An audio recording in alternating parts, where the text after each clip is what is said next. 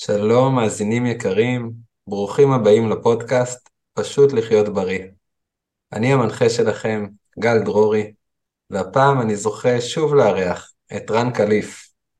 בפעם הקודמת דיברנו על ריפוי דרך תודעה. היום אנחנו נדבר על התמודדות עם משבר, על שיפוטיות ועל מימוש הפוטנציאל. רן, מה שלומך? שלומי נפלא, תודה רבה, אני מקווה שגם אתה. ושוב תודה שאתה מארח אותי. זה זכות גדולה, גדולה אה, לתת, להעניק לאנשים, ואתה צינור קסום. תודה רבה, זו מחמאה גדולה בשבילי, ומתחבר אפילו לחלק ממה שאני, שאנחנו הולכים לדבר. אתה יודע, אני, כמו הרבה אנשים, עובר תקופה לא פשוטה, ומשבר זה הגדרה טובה, גם זה משהו ש... אני יודע שאני אצא ממנו ואני אצא אולי אפילו אחרת, אבל אם אני מתבונן בעצמי מהצד, אני נראה בסדר, ורוב הזמן אני אפילו מתמדד בצורה טובה, אני הרבה בעשייה, אבל מבפנים, בעיקר בזמנים שאני לא בתוך doing, יש לי תחושה שזה לא מספיק מה שאני עושה. ואני רוצה לקחת את זה לשתי שאלות, שתי נושאים. אז הראשון זה שיפוטיות, בעיקר שיפוטיות עצמית. והשני זה מימוש פוטנציאל, על מה צריך לעשות אדם כשהוא מרגיש שהוא לא ממצה את הפוטנציאל שלו. ואני אשמח לדעת את דעותיך ומחשבותיך על אלה. אוקיי, okay. אז uh, נדבר קצת על שיפוטיות. אנחנו חיים בחברה שיפוטית. אנחנו חיים בעידן שהוא מחלק דברים לנכון ולא נכון. חינכו אותנו על ברכי הגבר והאישה, הכישלון וההצלחה, חינכו אותנו על יעילות ועצלנות, על מותר ואסור. אנחנו חברה שמקדשת ניגודים. אנחנו חברה שחיה על ברכי הקוטביות. אפילו הורים אה, שמאוד אוהבים את הילדים שלהם, עושים להם את זה. ו- ולמה הם עושים להם את זה? כי עשו להם גם. והם יכולים לתת רק מה שהם עשויים ממנו. בבנק הזה של, של התודעה אין קרדיט ליין, אתה יכול לתת רק מה שאתה עשוי ממנו. ואנחנו מגיל קטן עסוקים בלתת לעצמנו ציונים.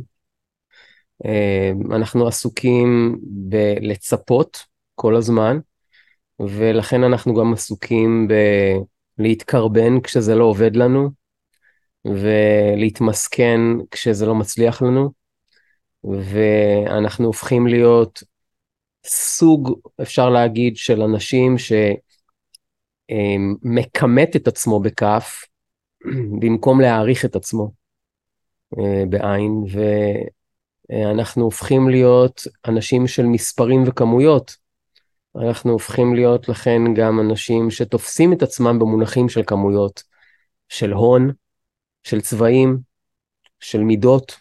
הפכנו את החיים שלנו לקולקציה. ועכשיו אנחנו משווים קולקציות. כאשר כל הקולקציות האלה כולן, הן הולכות להישאר כאן והן ברות חלוף. כאשר הדבר היחיד שהוא בר קיימא, לא בא לפה בשביל כל זה, וכשהוא יעזוב את הגוף שלנו וילך, והמועד שלנו כאן איתם, אנחנו לא ניקח שום דבר מהדברים האלה איתנו. הרוח שלנו, היא באה לפה לא בדמות גבר או אישה. היא לא צריכה לאגור שום דבר, היא לא באה לפה להצליח או להיכשל, היא באה לפה לחוות, לחוות חוויות ולהחכים מהן. ואיך נוכל להחכים מחוויה אם אנחנו שופטים כל הזמן את הביצוע? איך נוכל ליהנות מכל הזדמנות אם אנחנו חותכים 50% מהאופציה לפחות, בגלל שחתכנו אותה לשניים, להצלחה וכישלון, להרבה ומעט, לטרנדי ולא טרנדי. כשאנחנו שופטים אנחנו חיים חצי חיים. אנחנו נהנים לפחות מחצי אם לא פחות ממה שלחיים יש להציע. אנחנו לא מסתכלים על עצמנו כאלוהים, אנחנו מסתכלים על עצמנו כבשר ודם. כשאנחנו מסתכלים על עצמנו כבשר ודם, אנחנו הולכים להיות נתונים לכל מה שבשר ודם בתרבות שלנו הוא. זקן או צעיר, חולה או בריא, בהיר או כהה, יהודי או ערבי, ואנחנו בעצם שכחנו שהרוח שלנו, שמאכלס את הגוף שלנו, היא אף אחת מכל הדברים האלה, אבל היא מצויה בכולם. והשיפוטיות היא מעשה ידי אדם, היא לא מעשה ידי הרוח שלנו. אם הרוח שלנו הייתה שיפוטית לגבינו, היא הייתה עוזבת אותנו כבר מזמן. ובכל זאת, רוב האנשים שאני מכיר אה, חוטאים בזה. זה לא חטא, גם זה שיפוטיות. כי האלוהי בתוכנו אוהב אותנו לחיים גם בימים שאנחנו שונאים את עצמנו בכל הכוח. הוא גם אוהב את כל ההזדמנויות בחיים שלנו, שאנחנו קוראים להם בעיות. הוא גם uh, מוכן לתת לנו תמיד עוד צ'אנס כשאנחנו כבר רוצים למות או לחסל מישהו. הוא מוכן לחבק אותנו גם כשאנחנו לא סובלים מגע. והוא רוצה לחבק כל אחד באמצעות הידיים שלנו, גם כשאנחנו פשוט שונאים את כולם עכשיו. אז מה קורה כשאנחנו חיים את חיי הבשר וחושבים שאנחנו זה הגוף שלנו, שאנחנו זה השם שלנו ומספר תעודת הזהות שלנו והכתובת שלנו? אז אנחנו בעצם שכחנו מה אנחנו בכלל, מאיפה באנו ולאן אנחנו הולכים. אז הכל מתחבר בסוף לזה. אני תמיד שואל אנשים, תגידו לי מה לא רוחני, כלומר, מה לא נוצר באמצעות ה mind, ואני מיד סטודנט. אני מיד סטודנט. אז אתה אומר שאתה עושה, אתה יודע, כשאתה עושה, אתה לא מרגיש את זה, אתה עושה. אני אומר שזה לא מה שאנחנו עושים, זה מה שאנחנו חושבים קודם. כי כל העשייה שלנו ממחשבה באה. ומה קורה כשהעשייה שלנו היא עשויה מהמחשבות של האתמול ושל השלשום, ואנחנו שוקעים ברוטינה שגרתית כזאת. אז העשייה שלנו היא בעצם העתקה של אתמול ושלשום. ובאיזשהו מקום אנחנו הופכים להיות מכונה אוטומטית במקום מגלה ארצות. תחשוב שאתה עכשיו מגלה ארצות, זה אומר שאתה עושה היום משהו שמעולם מעולם לא עשית. חלק אחר בכלל במוח שלך נוכח בפעולה הזאת. מאשר כשאתה עושה פעולה שאתה עושה אותה כל יום שוב ושוב ושוב, מה שמשתנה זה רק התאריך והבגדים שלנו. אולי התסרוקת. אבל החלק במוח שעושה את הפעולה הזאת לא מתפתח. הוא רק חוזר על עצמו והוא מאשר את ההיסטוריה שלו. שיפוטיות, כל הכוח שלה בא מההיסטוריה. למה ילד קטן הוא לא שיפוטי? אין לו היסטוריה. על מה הוא ישפוט? כנגד מה הוא ימדוד? הוא אפילו לא זוכר את מספר תעודת הזהות שלו, והוא לא יודע למדוד את הגובה שלו. אין לו מושג אם הבגדים שלו טרנדים או לא, וכשהוא ממש קטן, לא ממש אכפת לו אם הוא בן או בת. אז uh, כשאנחנו חיים את ההיסטוריה שלנו במקום את ההווה שלנו, אז אנחנו מאוד שיפוטיים, ואנחנו נתונים לדיכוטומיה הזאת, לקוטביות הזאת. ולכן אנחנו חייבים לבחור צד. וברגע שבחרנו צד, נטשנו חתיכה ענקית מעצמנו. יפה. אבל אתה יודע, קופץ לי האבל, כי... תמיד אבל, אבל זה אבל, הוא מבטל את מה שאני אומר. בבקשה. פתחת בפתיח, אמרת, אני זוכר שאני באמת, אני צינור, אני מעביר, מפיץ את הידע שלך, mm-hmm. ואני באמת לוקח כחלק משליחות שלי להפיץ ידע שמקדם בריאות ומקדם תודעה בריאה, ואני גם עושה את זה. ובעבודה שלי אני זכיתי לה, באמת לעבודה שהיא גם מדהימה, גם יש לי פרגון מאנשים שאני פוגש, וגם אני לא, אמנם חלק באמת יש דברים שכן חוזרים על עצמם, אבל כל יום הוא אחר, כל פעם המפגש אחר, כל טיפול הוא אחר, ובכל זאת אני בתקופות, בתקופה כמו זאת, אני מוצא את עצמי בסוף יום, מרגיש כאילו יש, כאילו אני חי באיזושהי תחושה שיש, שאני לא עושה מספיק. יש לי שאלה. איפה השיפוטיות פוגשת אותך? בעיקר בערב, כשאתה חוזר הביתה? כן. אתה שמת לב לזה? למה? אני זוכר שעשיתי איפשהו שינוי משמעותי בחיים שלי. עשיתי כמה כאלה. ואחד היה ב- בסוף שנות התשעים, כשהחלטתי להפסיק לנהל מערכת רפואית גדולה, ולהפסיק לגור בכרך גדול, ו- ולעשות שינוי מאוד משמעותי גם ב- בכל המצב האישי שלי. ולקחתי איזושהי דירה שכורה ליד ים, מחוץ לעיר, וכמה חודשים פשוט לא עשיתי כלום. כלום זה אומר לקום בבוקר, לשום אג'נדה, לכלום. ו... וללכת ולשבת מול הים ולהיות עם עצמך. אה, אני חייב לומר לך שהימים הראשונים היו קשוחים ביותר. אה, היה לי קושי עצום לא לעשות שום דבר, לא להיות יעיל, לא לתפעל משהו, לא לתחזק איזושהי מערכת ולא לענות לאיזשהו לוז. הבנתי בימים הקשוחים האלה שאני מכונה. ושאני בעצם בורג במערכת שהיא חלקה הגדול מנהלת אותי, והמעורבות שלי בניהול היא מינימלית עד לא קיימת. הייתי צריך לפתח אנוכיות מספיק גדולה בשביל לנקות שולחן, ולהתחיל להגדיר מחדש את תנאי החיים שלי, ולפתוח את מנעד האושר שלי לדברים שהם לא קשורים להיסטוריה שלי. וזה היה תהליך, זה לקח בערך איזה שלושה חודשים, שבהם לא עבדתי, וחיווטתי מחדש את המציאות שלי. אנחנו, בתור אנשים עסוקים, גם אם יש לנו עבודה מבורכת, ובמשך 30 שנה טיפלתי בהמון אנשים, המון פציינטים, לימדתי דורות של, של תלמידים וסטודנטים, ועשיתי אה, גם לא מעט עבודה התנדבותית, בשקט, ו, וכל הזמן עסקתי במשהו. אה, המוטו חזר על עצמו, נכון שזה לא אותם אנשים, וזה לא אותם מתמחים, ו, ו, והשנים עוברות, אבל זה אותו מוטיב, הוא עשוי מאותו עיקרון.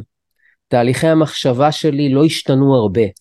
מה שהשתנה זה אנשים, חפצים, מקומות, זמנים ואירועים, אבל לא המימד שבו שהיתי מבחינה מנטלית.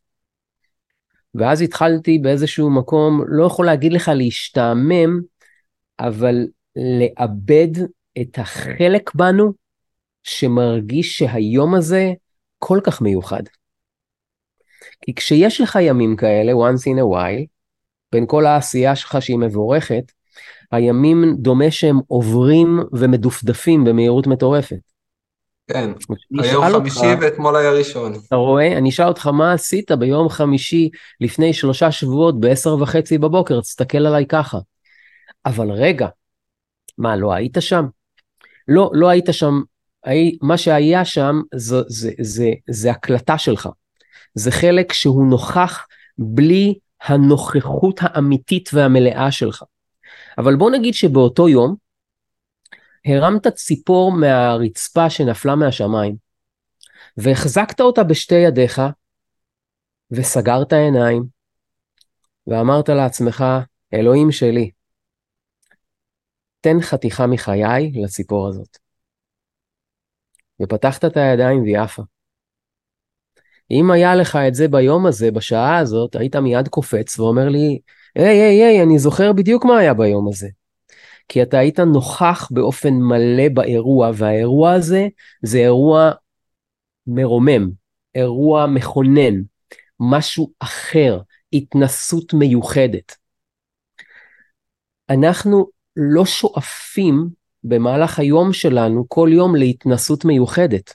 לא, האם היום שלנו, האם דקת החיים שלנו, שניית הנשימה שלנו, לא ראויה לחוויה מכוננת? תראה לי חלק וחלק ביום שלך שהוא לא ראוי לחוויה כזאת. כל שנייה בחיים שלנו ראויה לזה. אבל אנחנו יוצרים את זה ממש אחת ל. ולכן אנחנו מגיעים לסוף יום, גם אם עשינו דברים מבורכים, ויש לנו תחושה פנימית של משהו בין ריקנות לחוסר מספיקיות כזאת, אני קורא לזה. והסיבה לזה היא תחושה שבאה מהנשמה שלנו, שהיא כבר מכירה את זה. היא כבר הייתה שם. היא כבר כתבה את זה בספר החיים. פשוט התאריך היה טיפה אחר, ואכלנו משהו אחר בערב. אבל לא בגלל זה באנו לפה. באנו לפה לפרוץ את הלא ידוע. באנו לפה לגלות ארצות. מה היה קורה לך כל יום אם היית מגלה משהו חדש, מיישם ולומד אותו? בסוף היום היית יושב עם עצמך ואתה אומר, איזה ברכה. איזה ברכה. גם אם עשית רק דבר אחד ביום, את זה. אה, זה מחבר בדיוק לשאלה השנייה שלי, וזה משהו שאני אני ממש מרגיש אותו, אני מרגיש שאני צריך לגלות משהו, אני צריך להביא, אני צריך ליצור משהו חדש. יש לי מעין כן. תחושה אני, כזאת. אני, אני, אני אספר לך סיפור כזה. תראה, עשיתי לפני כמה שבועות שני תהליכים של 12 יום. אחד מהם היה live גם 12 יום, שנקרא אה, מסע 12 הימים להרכבת תודעה חדשה לישראל, ועשיתי עוד תהליך אחד שנקרא אחים שובו הביתה, להחזרת האחים והאחיות שלנו.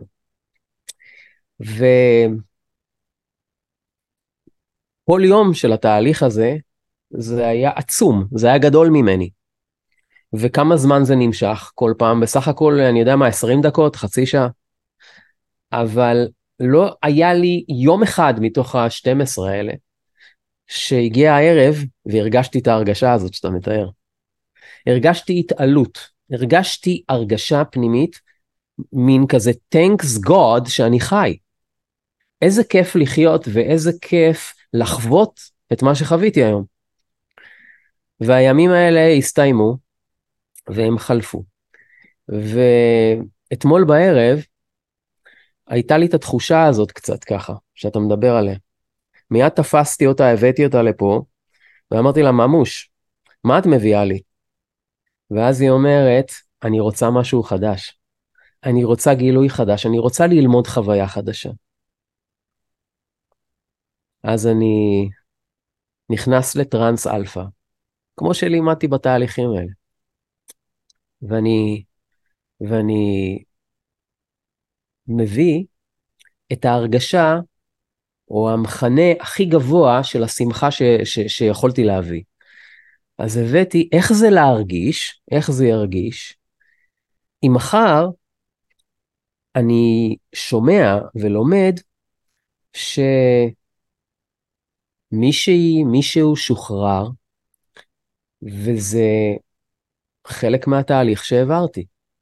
איזה מין, איזה מין קסם זה יהיה? ואז אה, אני קם בבוקר ואני רואה הודעה מאישה שעברה תהליך כזה ולימדה חיילת. והחיילת הייתה לה חברה חטופה, והיא עשתה את התהליך הזה. כי היא הרגישה שזה מאוד חשוב. אז החיילת הצעירה עשתה את התהליך הזה. ו...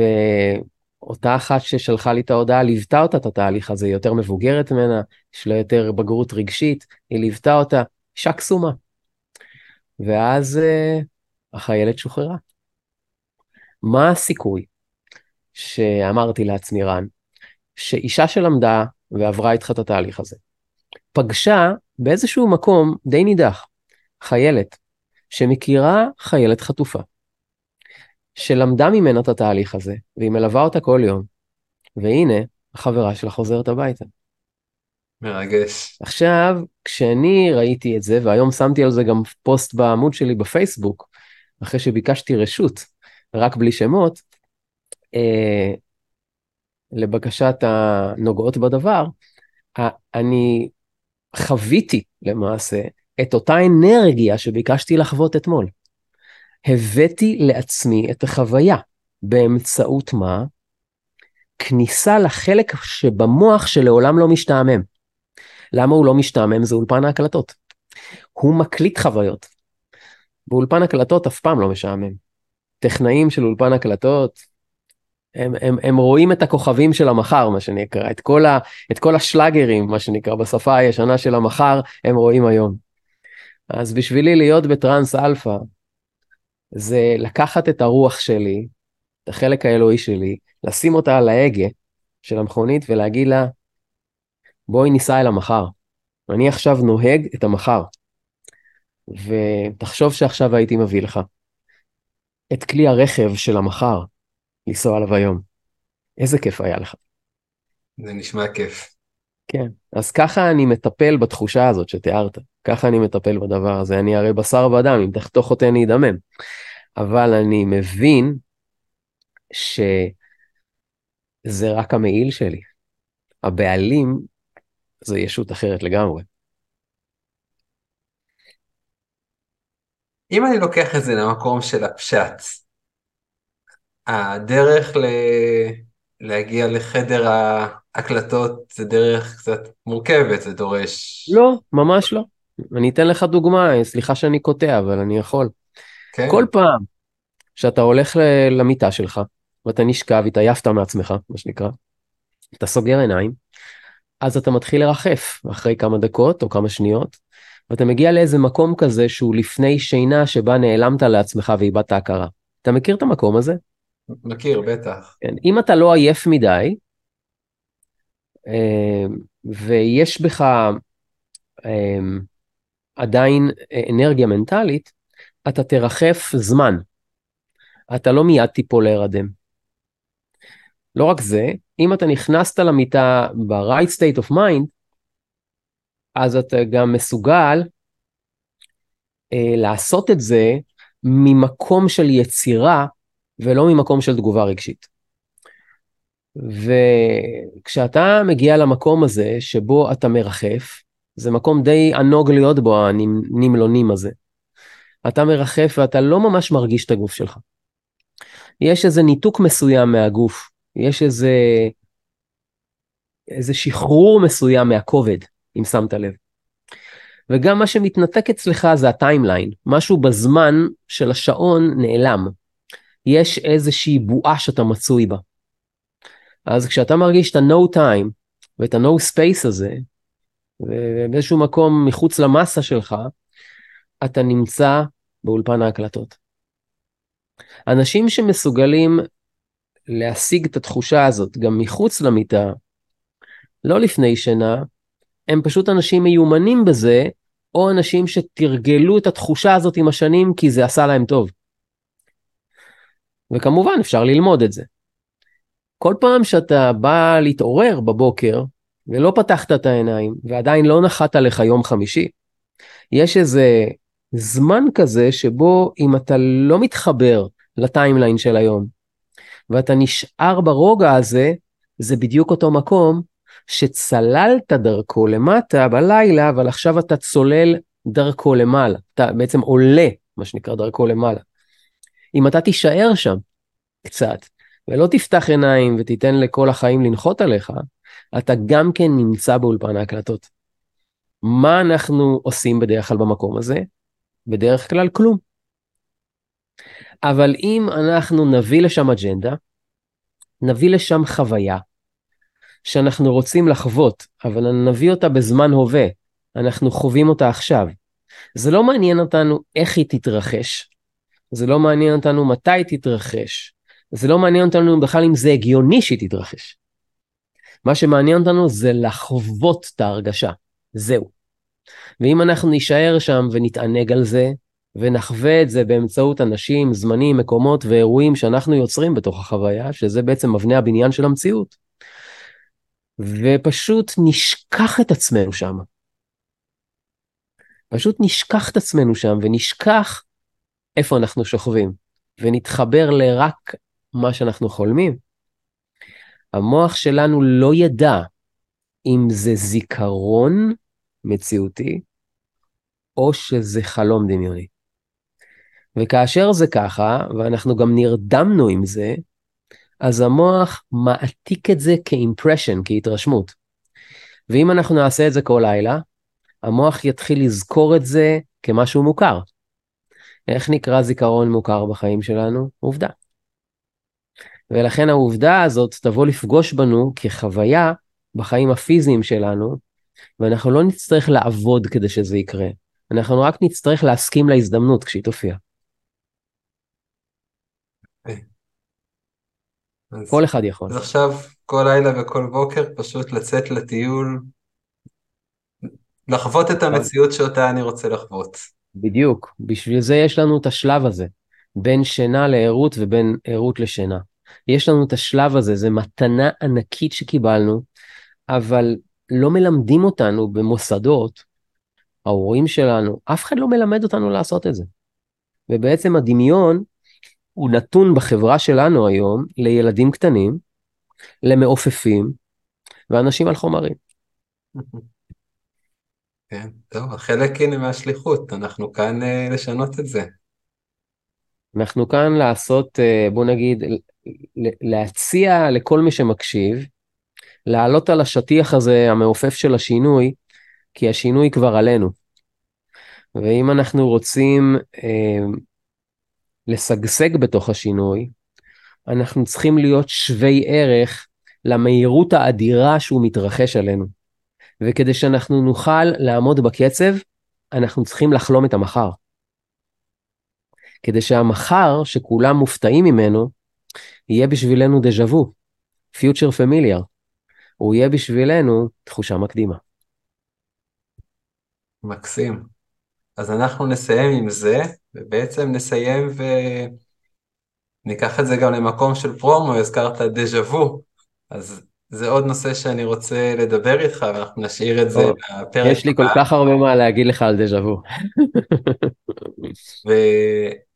ונעשה איזה סיכום למאזינים, אז אהבתי את הצירוף של אה, לחלום את המחר, או לחלום את, ה, את העתיד שאתם רוצים, לדמיין את העתיד שאתם רוצים, ואז רן מזמין אתכם ב, בעיקר בזמנים של הבוקר, של הערות, לפני שאתם, אה, בטח לפני שאתם נוגעים בטלפון או מייל או כל דבר אחר, אה, או אפילו מכינים סנדוויצ'ים לילדים, בזמן הזה שרק קמתם זה זמן שהוא הזדמנות, זמן שהוא מתנה, וגם בלילה לפני שנרדמים, אז פשוט לעצום עיניים, לנשום ולחוות את המציאות שאתם רוצים.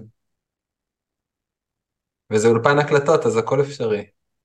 הכל אפשרי. מדהים. רן, תודה רבה. תודה לך, תודה שהזמנת אותי. באהבה. תודה לך ותודה עליך. אני מודה על הזמן ועל תשומת הלב שאתה מקדיש ועל כל הטוב שאתה מעניק לעולם. ותודה רבה לכם, מאזינים יקרים. אם אהבתם, אני אודה לכם אם תשתפו אחרים, אפילו אדם אחד שהרעיונות, העצות והמסרים שעלו כאן בפרק יוכלו לעזור. ביחד ניצור עתיד ועולם טוב יותר. נתראה בפרק הבא.